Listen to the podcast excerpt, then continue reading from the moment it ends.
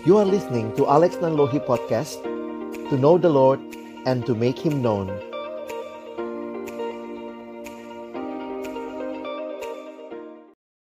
Halo teman-teman, jumpa lagi dengan kita di MBD. Mesti banget dengerin. Mesti dong. Oke, teman-teman eh, kali ini ada Kak Evin, ada Kak Bebet, Hai. dan juga ada Kak Ernest. Yeay. Siapa tuh? Ini kita lagi mau bahas tentang aplikasi Online online dating. online online dating ya. Iya, online Oh, matchmaking. oke. Matchmaking. Iya, matchmaking. Oh, matchmaking. Nah, teman-teman ngelihatnya fenomena ini jadi fenomena kayak apa sih sekarang yang terjadi dengan online matchmaking ini? ya. Mungkin dari Ernest kali ya. Kenapa begitu? Ernest yang Iya, mungkin belum pernah Atau yang udah nggak ada harapan ya? Atau sedang lu kesannya orang yang pakai itu pasti nggak ada harapan. Kelihatannya kan biasanya gitu bukannya ya. itu harapannya. Iya, iya. bener juga. Sedih banget. Gimana tuh teman-teman ngelihatnya? Karena aku ketemu juga beberapa Ah. teman-teman, baik yang masih mahasiswa atau bahkan yang alumni, itu merasa itu menolong. Hmm. Dan itu banyak sekarang ya. Mm-mm. Ada online dating yang khusus Kristen, Mm-mm. ada yang kayaknya umum aja gitu. Bahkan Teman-teman. ada lintas negara ya bang. Oh lintas negara ya nyarinya. Iya. ya? Oh pakai bahasa asing dong. Iya. Korea. yang mau cari opa-opa. Kan ada Google Translate sekarang. aduh, lihat ya. Nah, kalian kan yang lebih muda nih, kalian ngelihatnya dan menyikapinya seperti apa? Mungkin dari siapa dulu? Bebet kah? Boleh Evin kalau kah? aku. Hmm. Em, jujur kalau uh, buatku sendiri uh, tapi ini agak ini kali ya melihat dari yang teman-teman juga kasih tahu ya kan beberapa memang mem, uh, Kok pernah pakai nggak? Aku pernah sign in Tapi tapi nggak lanjutin. Oke. karena uh, agak males juga sih sebenarnya Hmm, hmm. gitu kan. Tapi dari yang aku coba sign in itu ya memang uh, ditujukan sih untuk sekadar mencari teman yang match atau teman yang bisa Oh. diajak ngobrol gitu kan. Tapi Hmm. memang nggak pernah lebih dalam menggunakannya gimana. Nah tapi ada beberapa teman yang memang melihat itu uh, satu kesempatan untuk bertemu memang dengan teman Iya.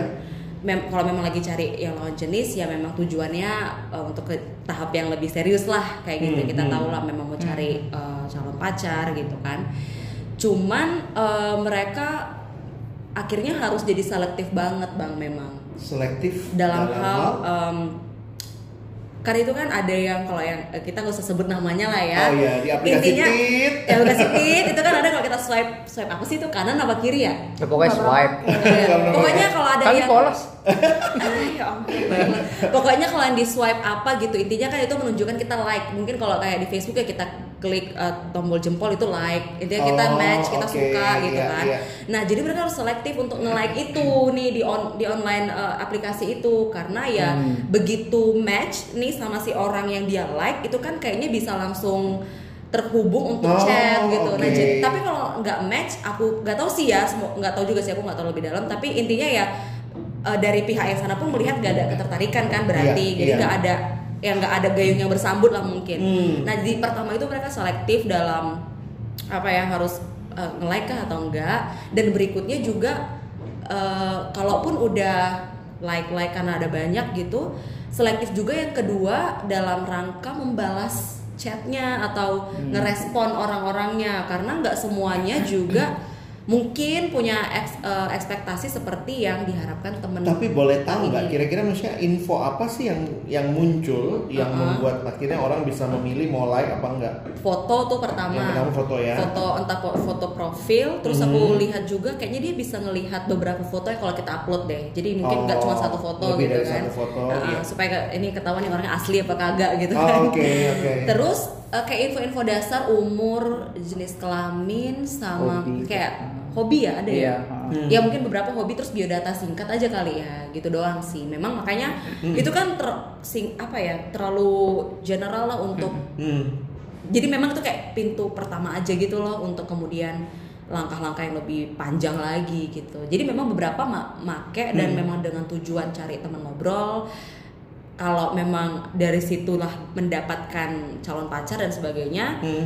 Ya ada juga ada juga yang aku tahu teman aku menikah juga akhirnya setelah ketemu Setelah melalui Mm-mm. aplikasi iya, seperti itu? uh, cuman kebanyakan itu kalau memang mau serius gitu bang pasti itu kayak pindah ke WhatsApp gitu jadi memang Tukeran nomor telepon dong. iya gitu Hmm. nah di Oh. bagian itulah beberapa temanku tadi itu juga selektif Iya iya iya. jadi harus cari info jadi mereka nggak anti tapi nggak juga nggak juga ini ya makanya Sembarangan. sembarangan kayak gitu Nah, Tapi mungkin ini kali ya kenapa kelihatannya tuh kalau pakai eh, apa ya pihak ketiga terutama Iya. bukan orang ini ya da- Hmm. dalam artian Aplikasi. tuh aplikasi atau program Hmm, atau hmm. software kayak gitu kelihatannya konotasinya jelek entah orang itu desperate kenapa harus pakai Sampai aplikasi harus itu pakai, Ah, ya. kayak gitu Eh, mungkin salah satunya kenapa seperti itu ya gue ngeliat jadi kayak gini sih itu jadi salah satu wadah di mana ada banyak kejahatan terjadi juga sih Betul, karena betul. kita kan eh, lewat website semua ada di belakang website eh, kita Mm. pakai profile yang Ya, profile yang kita seperti- juga ya, kan. profile kita juga Foto tapi yang terbaik. foto yang terbaik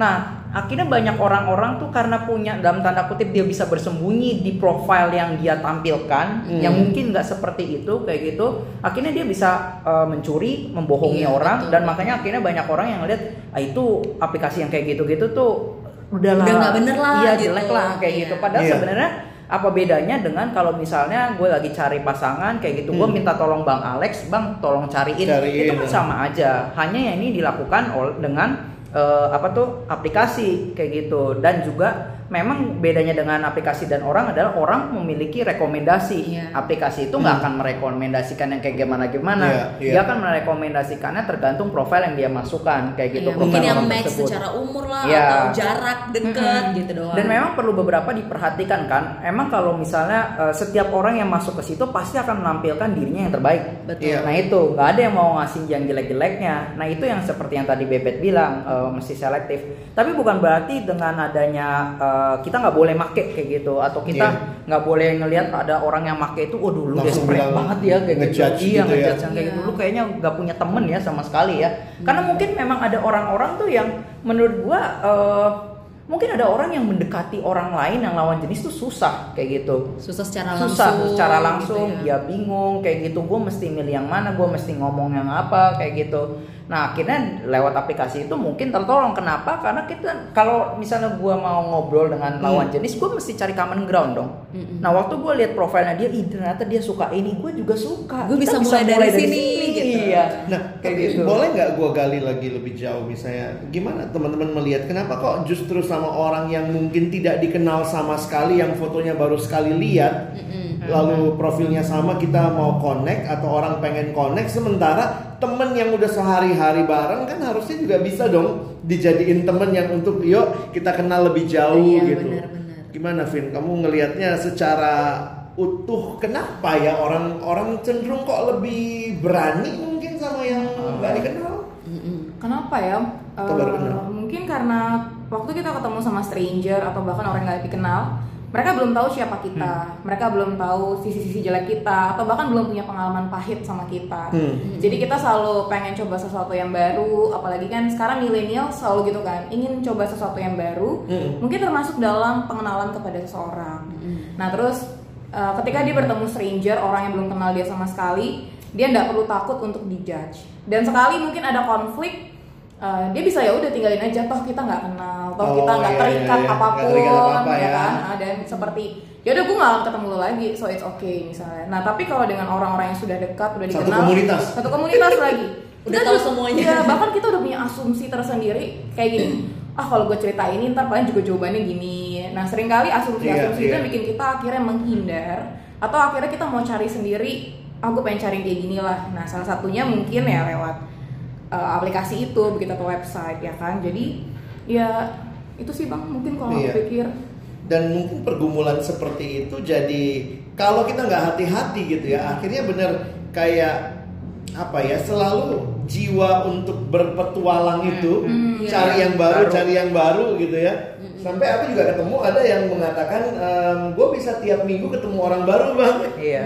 Karena pakai Karena aplikasi pakai itu. Aplikasi. dan dia bilang sebenarnya gue nggak kepikir macam-macam cuma mau kenalan aja. Iya. Mhm. tapi kayak tiap minggu kenalan tuh wow itu spend energi energi juga ya. Inget dia siapa dia bagaimana. Cuman pengen temen makan malam katanya gitu.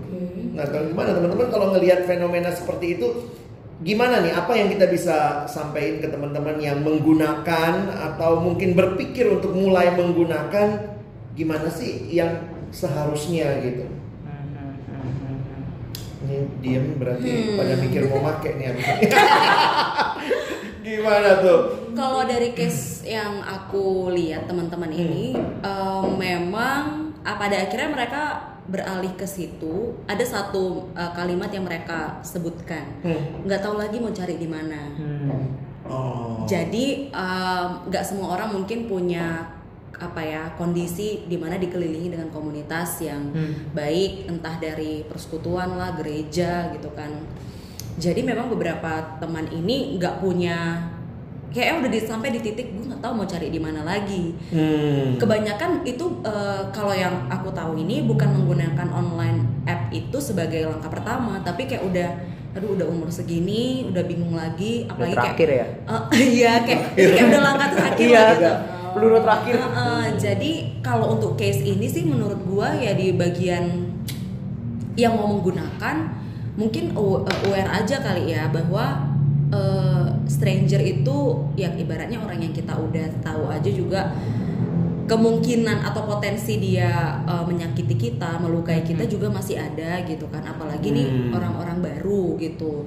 Jadi eh, nggak bisa juga sih bilang langsung nggak boleh pakai nggak sama sekali menurut gue sih nggak segitunya juga tapi ya Hmm. aware teman-teman gue beberapa tuh kayak sampai cari dulu beberapa info tentang dia lihat Facebooknya biasanya Jadi- nama ada namanya gitu nah ya kalau ada keterangannya di Iya, online iya. med- medsos lah eh online media lain itu dia baru tuh. ada linknya ke Ah, Facebook ah, misalnya iya j- biasa kalau udah nggak jelas ini juntrungannya ke mana Hmm. Aku udahlah nanti nggak usah dilanjutin gambarnya terlalu cantik nih terlalu ganteng nih Nggak yakin nih gue nih. manusia kok kayak artis nih gitu. kok kayak artis Kok iya kayak artis pakai foto main, artis kok artis main Tinder gitu kan orang-orang kan biasa gitu kan Iya, iya. Iya, iya, iya. tuh biasa kayak gitu gitu jadi ya gitu ya Hmm. aware aware aja sih Iya.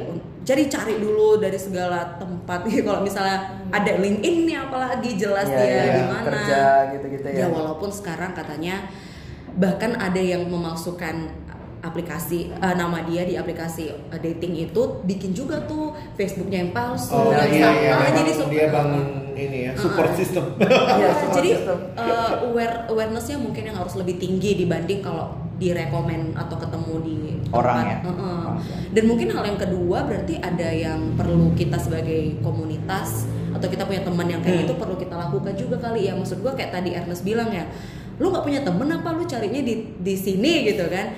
Terus ya harusnya itu jadi pertanyaan sama kita. Lu jadi Hmm. temennya gimana nih nolongin dia gitu loh. Iya, Kok iya, dia iya. bisa sampai cari ke situ? Kalau menurut lu itu nggak tepat gitu kan? Jadi bagi gue sih kayak eh, ya kita sebagai komunitas tuh gimana sih menolong dia atau mau Kayak- nggak sih susah payah dampingin Iya, dia iya. gitu? Kayak, kayak menantang kita juga untuk bertanya kita jadi temen yang kayak apa sih Oh, selama ini ya. Kok gitu. orang ngerasa kesepian bahkan di dalam komunitas yang Iya. kita ada gitu. Iya, di- Tapi mungkin menarik ya eh, aplikasi atau website-website Hmm. gitu. Memang kan salah satu hal yang kita cari adalah itu sangat menyenangkan dan enak kalau kita dikenal dan mengenal orang.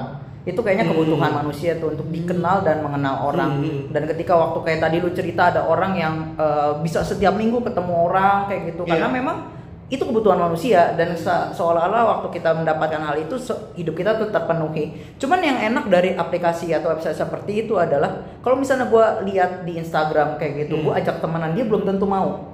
Oh. Kayak gitu karena itu Instagram. Karena nah beda beda dengan tujuan ya. Beda tujuan aplikasi matchmaking itu udah jelas dia cari Orang teman. yang memang cari Ah, teman Jadi dia deket. secara keterbukaan tuh udah lebih terbuka. Kalau lu nggak mau nyari temen ngapain lu ada di aplikasi atau website matchmaking ini kayak gitu. Jadi satu sisi itu mengurangi resiko untuk ditolak, mengurangi resiko untuk untuk Iya juga ya. kok gua nggak nemu nih Iya, common groundnya susah banget ngomong itu kan perasaan-perasaan yang itu justru dihindari sama orang tuh Iya, kalau mau iya. matchmaking gue udah lihat oh udah ada begini gini gininya profilnya seperti ini suka anjing gue juga suka anjing gue deketin lah yang kayak gini nah kayak gitu nah jangan anjing beneran orang Profilnya Ternyata, anjing. ternyata lagi yang lagi mau di matchmaking anjingnya gitu ya.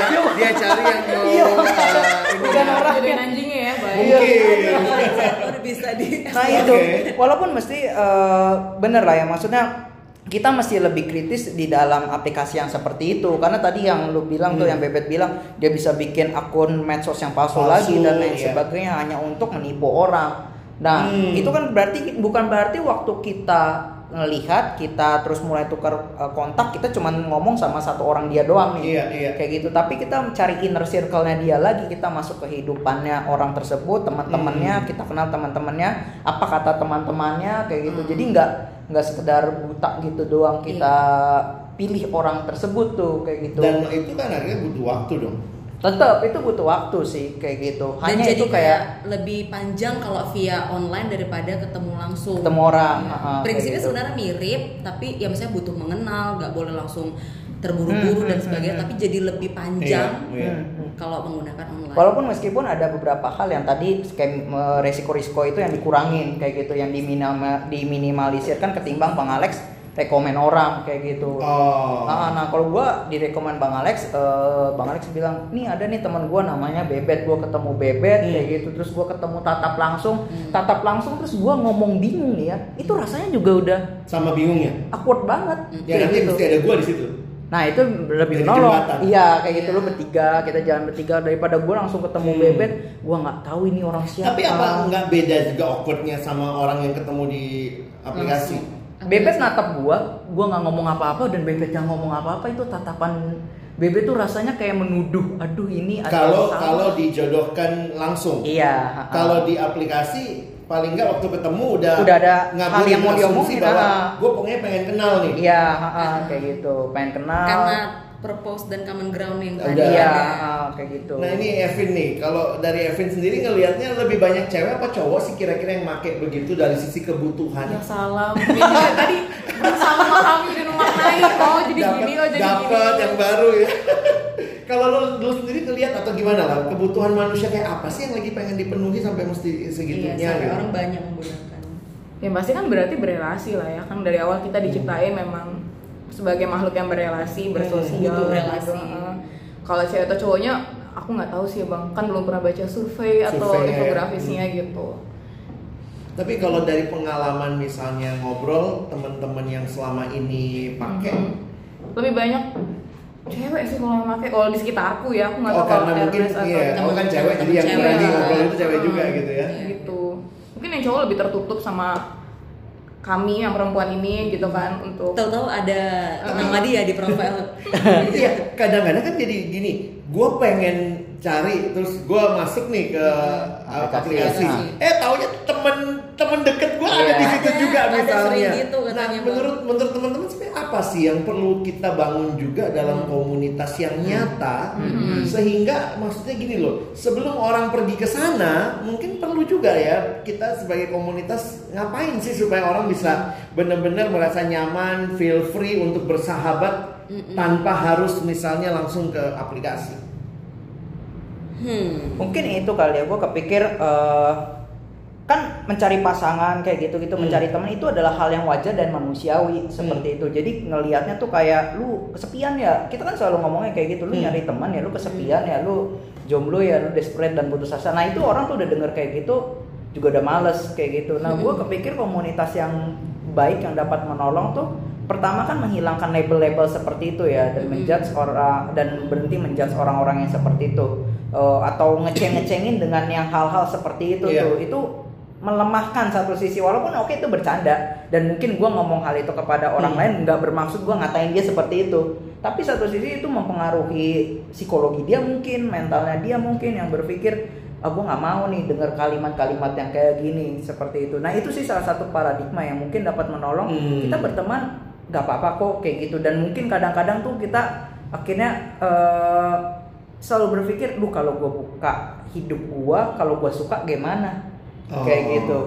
Ya kenapa juga kayak gitu. Kalau lo suka jadinya it's okay nggak apa-apa juga. Maksudnya belajar untuk terbuka, belajar untuk dikenal orang lain dan mengenal Mengenal orang lain. Nah itu sih salah satu hal yang sulit. Kadang-kadang kan kita nggak mau ya untuk dikenal sama orang lain lebih banyak ya seperti itu karena memang dikenal itu vulnerable, vul- vulnerable. Rentan. Val- ya, Ah, vulnerable ya. Kerentanan. Kerentanan. Ah, ah. karena dikenal orang lain itu kan eh, satu sisi mem- membuka diri kita ini diri gue ada yang jeleknya kayak gitu-gitu. Hmm. dikenal orang lain sama orang lain makin banyak orang lain yang kenal gue yang jelek-jeleknya kayak gitu. Itu tuh nggak enak tuh tahu itu. Satu sisi kan kita perlu memperbaiki diri kita gue firm identitas gue ada di dalam Kristus dan lain sebagainya. Nah itu sih yang membangun hal itu yang memang rada sulit tuh untuk Hmm. terbuka eh, mengenal apa dikenal. Satu sisi terbuka untuk mengenal orang lain pun itu sulit karena kita kadang-kadang datang ke orang lain tuh bukan bermaksud maksud tulus mencari sahabat tapi mencari Hmm. pasangan kayak gitu. Nggak pas gue tinggal. Kayak gitu. Iya, gue iya, bukan iya, nyari iya. teman kayak gitu. Tapi gue cuma nyari pasangan nggak pas habis itu gue tinggal cari Malah lagi di yang lain gitu. Ya. iya kayak gitu gitu nah itu tuh yang gue tuh kadang-kadang ketemu tuh ada orang-orang kayak kayak gitu tuh deket ke banyak yang lawan jenis kayak gitu. Terus udah masuk habis itu tinggal. Kayak Dari- gitu. Udah ngechat kayak gitu. Terus dia bilang nggak cocok nggak pas tinggal cari lagi yang lain. Nggak cocok nggak pas tinggal cari yang lain. Nah yang udah di chat chat ini udah udah udah nggak di chat lagi. Dari dari barisan sakit hati lah. Nggak sakit hati juga orang yang di chat itu udah tahu maksudnya apa kayak gitu ngechat gua. Jadi kayak terang-terangan untuk nyari pasangan doang bukan nyari teman. Nah yang kayak gitu-gitu. Nah satu sisi tuh kayak gitu kalau memang tulus jadi sahabat ya jadi sahabat. Nggak usah ada maksud-maksud yang lain. Kalaupun jadi pasangan ya bagus kalau enggak juga ya nggak apa-apa menambah teman kan jadi lebih baik seperti itu wah Hmm. gimana ada tambahan nggak dari teman-teman Kalau kalau eh, aku ngelihat ada salah satu artikel dia bilang Hmm. kebanyakan orang itu menggunakan salah satu eh, aplikasi online itu karena empat alasan terutama Hmm. gitu ya. Eh, pertama untuk love and casual sex. Jadi Hmm. memang secara umum banyak sekali aplikasi seperti itu de- dibuat akhirnya bagi orang-orang kebanyakan eh, Hmm. dipakai untuk hal itu gitu. Iya. Terus yang kedua validation and self worth, yang ketiga excitement dan yang keempat ease of communication. Mungkin yang masalah ease of communication udah eh, Ernest coba Iya, sampein iya. tadi. Maksudnya mudah eh, berkomunikasi bagaimana ya. kom- eh, komunitas itu jadi tempat orang tuh nggak takut loh mau nyampein pendapat. Misalnya kita kan belum apa-apa kayak uh, umur segini belum punya pacar, umur Hmm, segini hmm. belum nikah, itu kan kayak udah bikin "Eh, lu mau nggak mau dengerin gua dulu ya, nggak mau tahu gua dulu. Maksudnya kayak itu menunjukkan satu komunitas yang di dalamnya itu nggak memungkinkan secara aman Hmm. orang-orang untuk berkomunikasi lah untuk menyampaikan apa yang dia pikir gitu kan. Terus mungkin lebih ke eh, aku lihat dua hal Hmm. yang untuk masalah self worth dan excitement.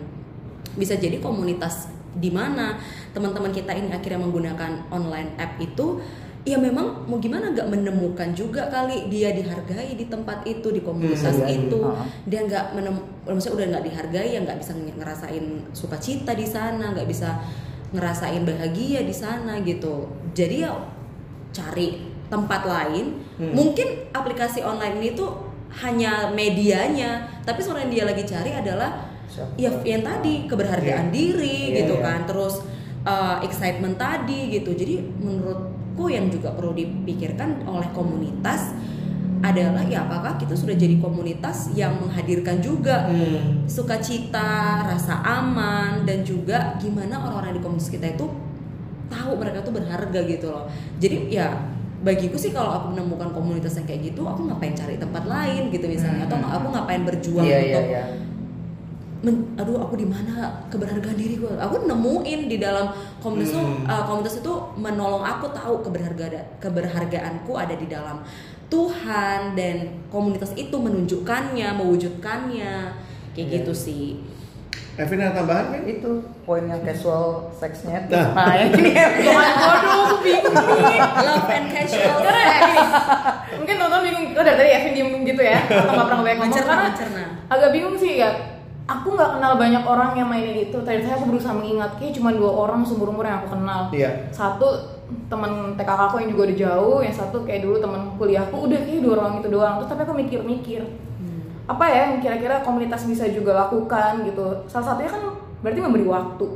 Nah, memberi waktu untuk mendengarkan mereka, memahami Oh. mereka begitu. Kenapa kita cepat ngejudge? Kenapa kita cepat membuat mereka akhirnya merasa tidak didengarkan atau merasa tertolak? Hmm. Karena kita kadang nggak ter- terbiasa atau bersedia memberikan waktu untuk mendengarkan, untuk turut merasakan Iya. apa sih yang mereka rasakan Hmm. gitu kan.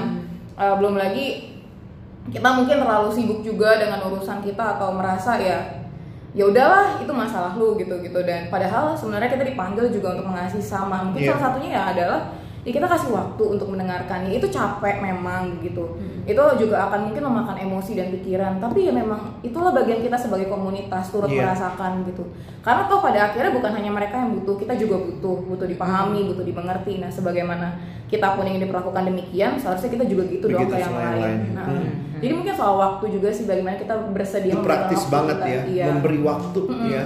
Jangan sampai juga kita kebanyakan waktu ngecekin Insta Story atau nge-scroll IG, tapi kita nggak kasih waktu buat orang-orang di sekitar kita. Hmm. Iya. buat kontak Heeh, mereka. gitu sampai mereka akhirnya harus cari di luar sana, padahal mereka ada di dekat kita. Iya. gitu sih. Aku keinget satu quote bang, Hmm. dibilang kayak gini, some talk to you in their free time and some free their time to talk to you. Nah, No, the terjemahannya adalah Ada Beberapa bawah. orang, beberapa orang berbicara kepada kamu di waktu senggang mereka, tapi beberapa orang yang lain lagi waktu. mengkhususkan waktu mereka atau mengosongkan waktu Untuk mereka untuk berbicara. berbicara denganmu. Jadi mungkin kita perlu jadi komunitas yang kedua ya, yang memang nggak cuma ngajak orang ngobrol waktu semua kerjaan kita sudah selesai, kita rasanya sudah clear dengan tugas kita ya memang kita tahu aware ada teman-teman kita yang juga membutuhkan waktu kita kayak yang kata Evin tadi jadi kita memberikan even kita lagi ada Iya. beberapa hal juga yang harus kerjain kayak gitu sih Jadi menarik ya hari ini kita membahasnya bukan hanya fenomena online dating, Hmm, tapi sebenarnya kita juga jadi merefleksikan apa sih yang sebenarnya komunitas ini juga harus berikan, bukan supaya eh, akhirnya orang tidak ke online dating, eh, tapi paling tidak jangan sampai karena banyak juga hal-hal negatif yang terjadi hanya di online melalui Iya, online iya. dating ya. Banget. Khususnya yang tadi soal casual sex, uh, aku juga melihat beberapa survei Hmm. yang mengatakan beberapa itu memang cuma mau cari kesempatan hook up ketemu lalu selesai begitu. Nah, tapi selebihnya ini refleksi menarik sih buat komunitas kita, ya. Nah, mungkin sebagai bagian penutup, teman-teman ada nggak satu dua kalimat closing statement yang teman-teman mau berikan kepada teman-teman yang mendengar? Hmm. Kalau gue kepikir ini sih eh, online dating kayak gitu-gitu atau aplikasi seperti itu website itu nggak haram digunakan Mhm. seperti itu. Tapi memang eh, yang terbaik adalah teman kita kayak gitu. Rekomendasi teman kita itu lebih baik ketimbang online dating ataupun eh, website-website se- seperti itu. Hmm, karena eh, memang ada banyak orang yang ber- mau berkomitmen bersahabat dengan adanya online dating seperti itu. Tapi ada lebih banyak lagi orang-orang yang mungkin menggunakan anonimnya itu ke apa topeng profile yang dia buat itu untuk melakukan kejahatan sih. Nah itu. Lebih baik kita mendengar rekomendasi teman ketimbang eh, online dating itu. Hmm. bukannya haram sih kayak gitu. It's okay nggak apa-apa. Tapi lebih baik teman yang kita lihat tatap muka dan teman Iya. sehari-hari kita. Oke, thank you. Kalau yang lain, Evin, Bebet? kalau aku mungkin ini kali ya carilah sahabat dan jadilah sahabat Hmm. gitu jadi em, terlepas sebenarnya dia mau menggunakan dari online dating atau langsung gitu ya ketemu Hmm. bagiku sih itu langkah yang paling tulus yang mesti dilakukan dulu sih karena eh, apa ya ya kayak tadi mau langsung atau online dating sebenarnya banyak juga sih resiko Hmm. kita nggak bisa eh, mastiin semuanya ada ada yang lebih murni re, eh, gak ada resiko dan sebagainya walaupun eh, lebih kayak Ernest bilang ada keuntungan kalau kita dapat dari rekomendasi teman Hmm. tapi bagiku sih berelasi dengan manusia itu sama kompleksnya mau lewat mana pun Hmm. gitu kan jadi ya aku pikir sih ya jadilah sahabat dan carilah sahabat itu Hmm. itu aja sih dulu ya eh, yang jadi eh, pesan aku gitu Oke. terlepas mau ketemu di mana gitu. Hmm.